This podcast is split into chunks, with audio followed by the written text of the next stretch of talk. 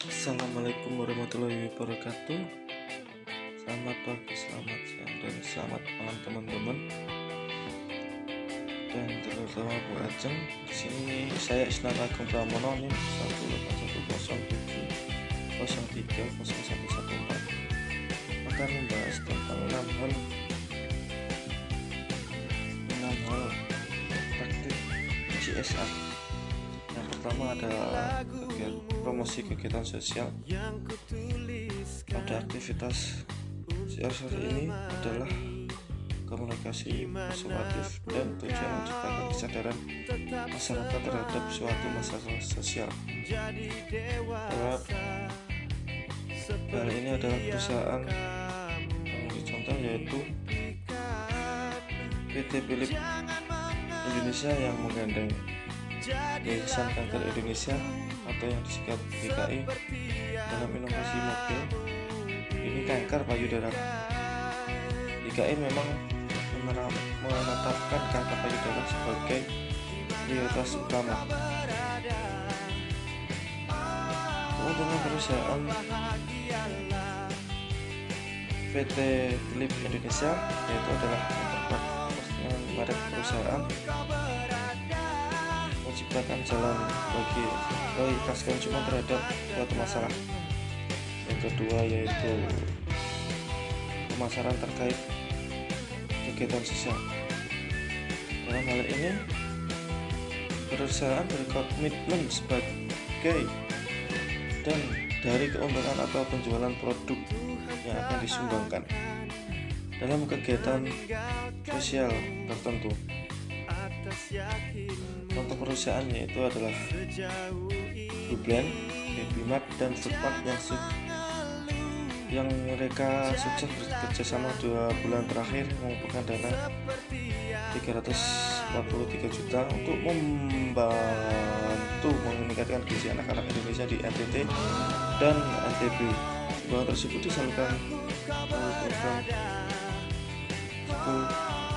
program donasi donasi yang diberikan adalah hasil dari penjualan produk pulpen 200 gram yang dijual di seluruh gerai Happy Mart dan Foodmart di seluruh Indonesia pada periode Mei. Keuntungan dari perusahaan tersebut adalah menarik pelanggan baru lalu meningkatkan penjualan produk perusahaan dan yang ketiga yaitu pemasaran kemasyarakatan korporat pada aktivitas ini perusahaan mengembangkan dan melaksanakan kampanye untuk mengubah perilaku masyarakat dengan tujuan meningkatkan kesehatan dan keselamatan publik menjaga kelestarian lingkungan hidup serta meningkatkan kesejahteraan masyarakat. Contoh perusahaan yaitu adalah waktu antiseptik Ditol dan Happy Mart Carrefour yang bersinergi dalam perayaan cuci tangan pakai sabun sedunia. Dalam kampanye ini untuk menyebarkan kesadaran masyarakat terhadap kebersihan tangan dan kebersihan mencuci tangan. Lalu keuntungan yang bisa diambil adalah menunjang positioning merek perusahaan, menciptakan profesi merek, mendorong peningkatan penjualan. Lalu yang keempat ada kegiatan filantropik perusahaan. Dalam hal ini perusahaan memberikan sumbangan langsung terhadap yang kena musibah dalam bentuk derma untuk kalangan masyarakat tertentu. Sumbangan tersebut biasanya berbentuk pemberian uang secara tunai, bingkisan, atau paket bantuan atau pelayanan secara cuma-cuma. Contoh dari perusahaan yaitu yaitu adalah Masindo Group melalui brand Fresh Aben dan Comfort Spring Bread secara besar dengan komando pasukan khusus atau Kopassus TNI menawarkan bantuan berupa kasur tidur sebanyak 60 miliar kepada korban banjir di Jakarta. Lalu keuntungan yang dapat diambil dari ini meningkatkan reputasi perusahaan, memperkuat bisnis perusahaan di masa depan. Lalu yang kelima adalah pekerjaan sosial masyarakat secara sukarela.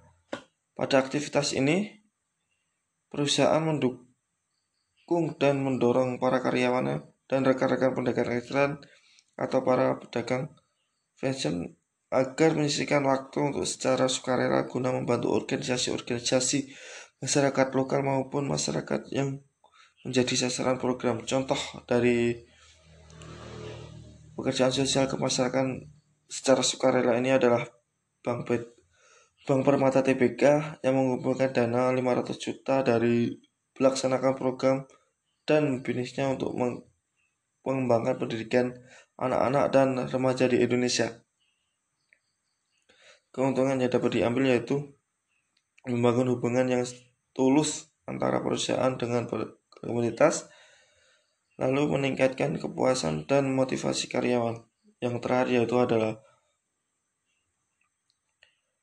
praktik praktik bisnis yang memiliki tanggung jawab sosial.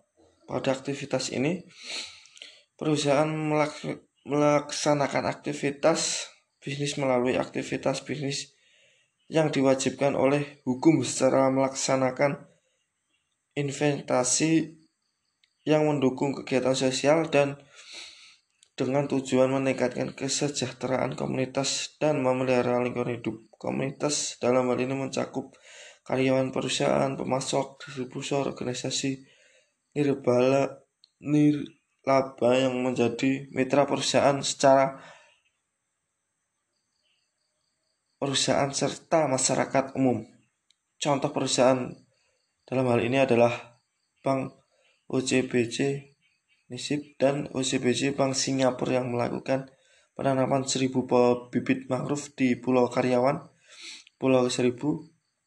Kegiatan melibatkan 50 karyawan Bank OCBC Nisip dan Bank Singapura serta penduduk lokal yang juga ikut dengan perbaikan sarana rumah baca di Pulau Pramuka dan pelestarian penyu sisik dengan pelepasan anak penyu atau tukik di pantai Pulau Karya. Keuntungan yang dapat diambil dari perusahaan ini adalah menghemat uang perusahaan memberikan kontribusi terhadap lingkungan hidup secara meningkat kesadaran energi dan di antara para karyawan perusahaan meningkatkan kesan baik komunitas terhadap perusahaan.